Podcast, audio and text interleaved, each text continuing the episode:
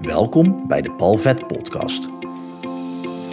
In deze podcast help ik jou met verhalen en inzichten om de blemmeringen in je leven de baas te kunnen zijn, zodat jij je talenten en jouw grootheid kunt omarmen op weg naar een fijn en vrij leven.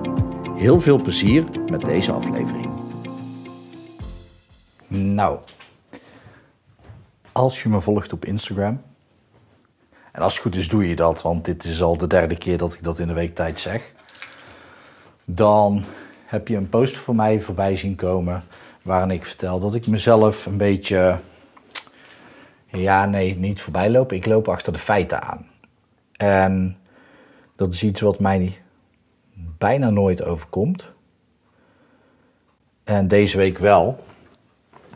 Alleen is bij de een achter de feiten aanlopen uh, gaat net op een andere manier dan bij de ander. Dus bij mij betekent het dat eigenlijk alles precies net nog goed gaat. Als je wat lawaai hoort, ik pak even koffie. En dat, ja, bij mij uh, gaat dus net alles goed. Maar ook maar om één ding. En dat is wat ik even met je wil delen. Ik ben nu in Zuiderlicht. Dat is de, het spirituele centrum waar mijn praktijk zit. En ik ben aan het wachten op mijn cliënt die wat te laat is. Kan wel eens gebeuren. Uh, overigens is het op soms één of twee minuten na is dit wel de tweede die uh, sinds hele lange tijd, sinds misschien wel anderhalf jaar of zo, die echt veel later gaat komen. Maar er is een ongeluk gebeurd op de weg. En ik heb cliënten uit het hele land. Groningen, Friesland, Noord-Holland. En, maar ook dichterbij natuurlijk. En ja, via Zoom staan er natuurlijk geen files. En ja, toevallig deze keer wel. Dus dat kan gebeuren. Maar ik dacht dus, oké, okay, daar heb ik even tijd over en neem ik even een podcast op. En deze weken, de afgelopen weken, sowieso sta ik aan qua podcast ideeën. En dit is er ook weer eentje. Namelijk achter de feiten aanlopen als een pro. Misschien moet ik hem zo even, even noemen, ja. Zit ik net even te bedenken. Waarmee ik mezelf niet met een pro achter de feiten aanloper zou willen vergelijken. Want ik, ik heb geen idee wie daar echt een pro in is.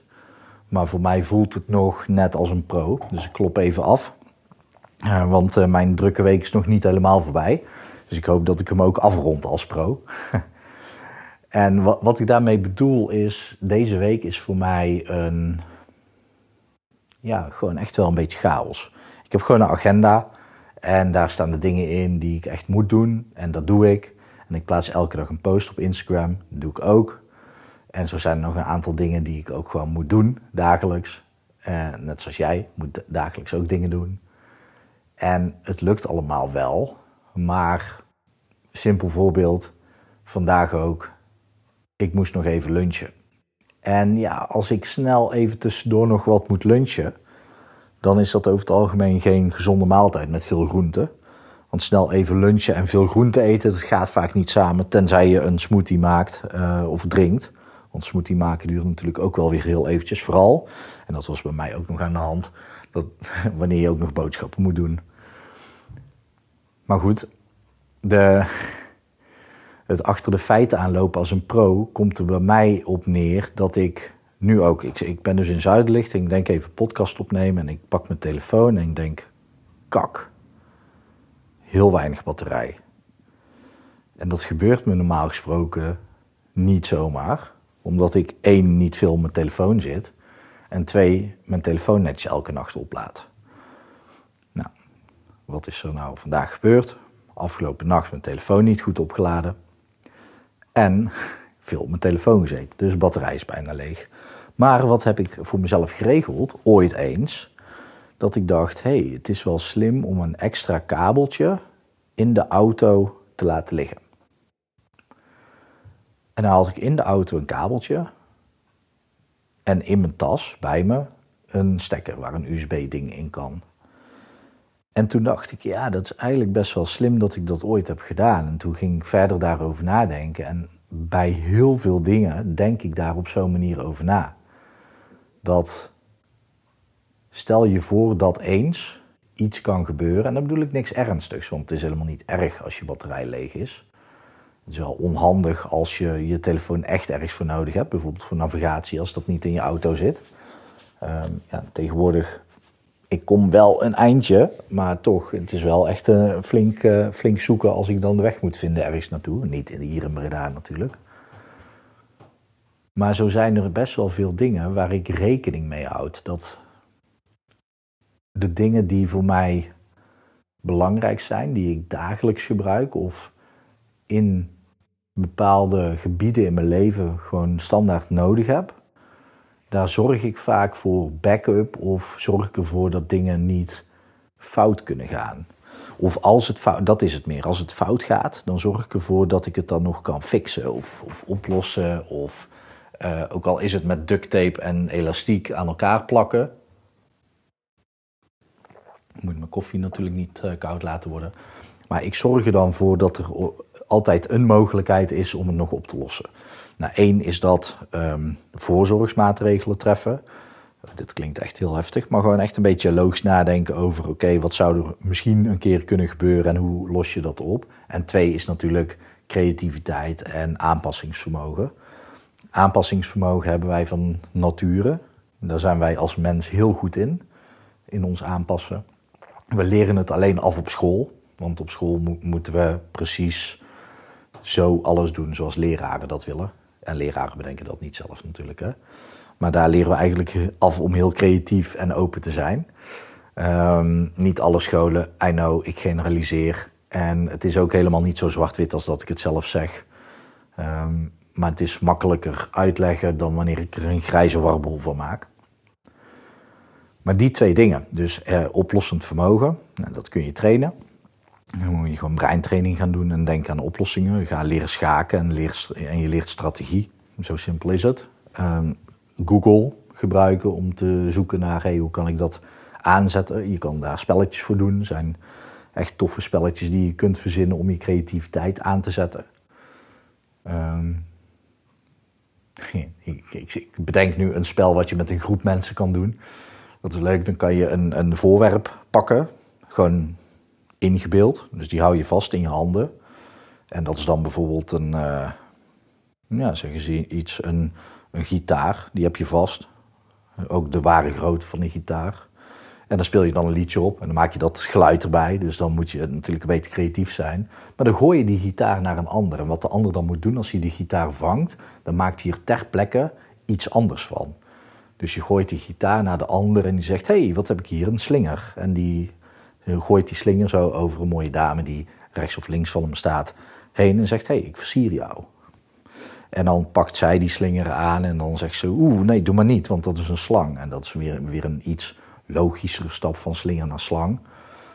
Maar goed, die, uh, die slang die gooit ze dan heel snel weg naar een ander en die vangt het en die zegt: Ah, ah, dat is lief, dat is een heel klein lief muisje. Wat ook nog een beetje hetzelfde is, omdat het ook een dier is.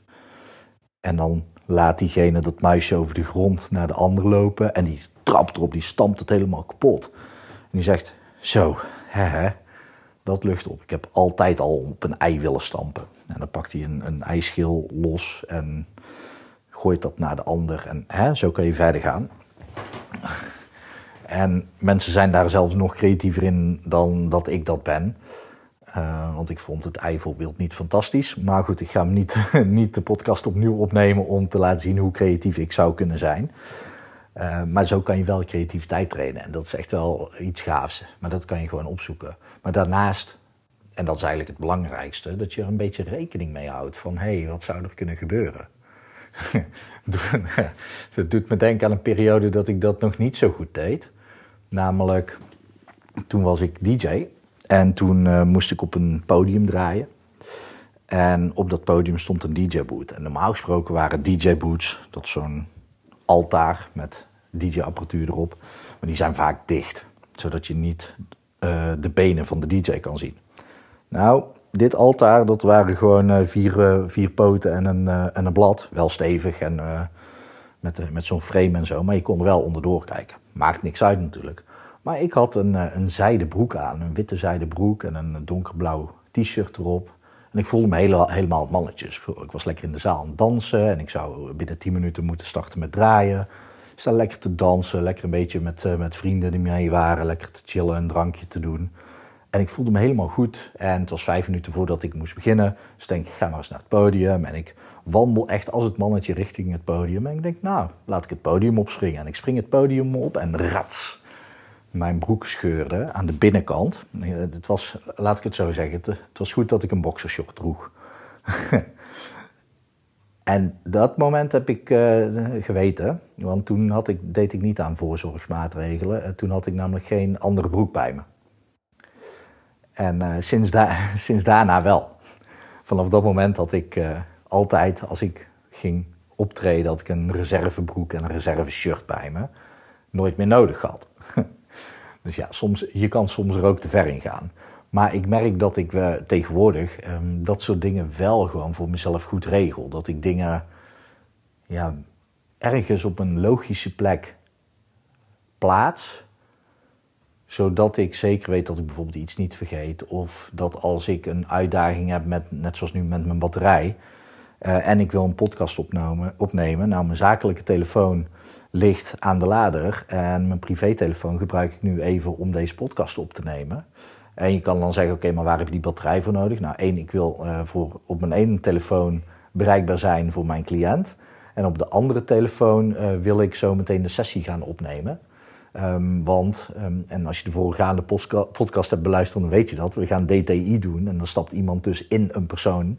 Bijvoorbeeld een Tony Robbins of een Jezus of um, een wereldberoemde ruiter of uh, in een wereldberoemde schrijver of ja, kan van alles zijn. Je kan echt van alles bedenken. Rihanna, uh, Beyoncé. ja, maakt niet uit.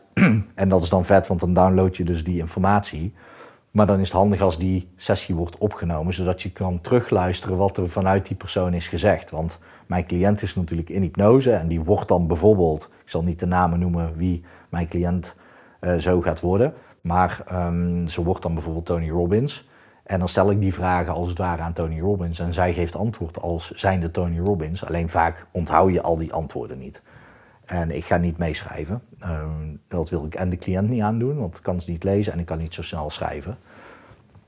Dus dan is opnameapparatuur belangrijk. En zo los ik dat op. En daarom dacht ik eraan van, oh ja, maar in de auto ligt een kabeltje. En ik heb een stekker bij me waar een USB in kan.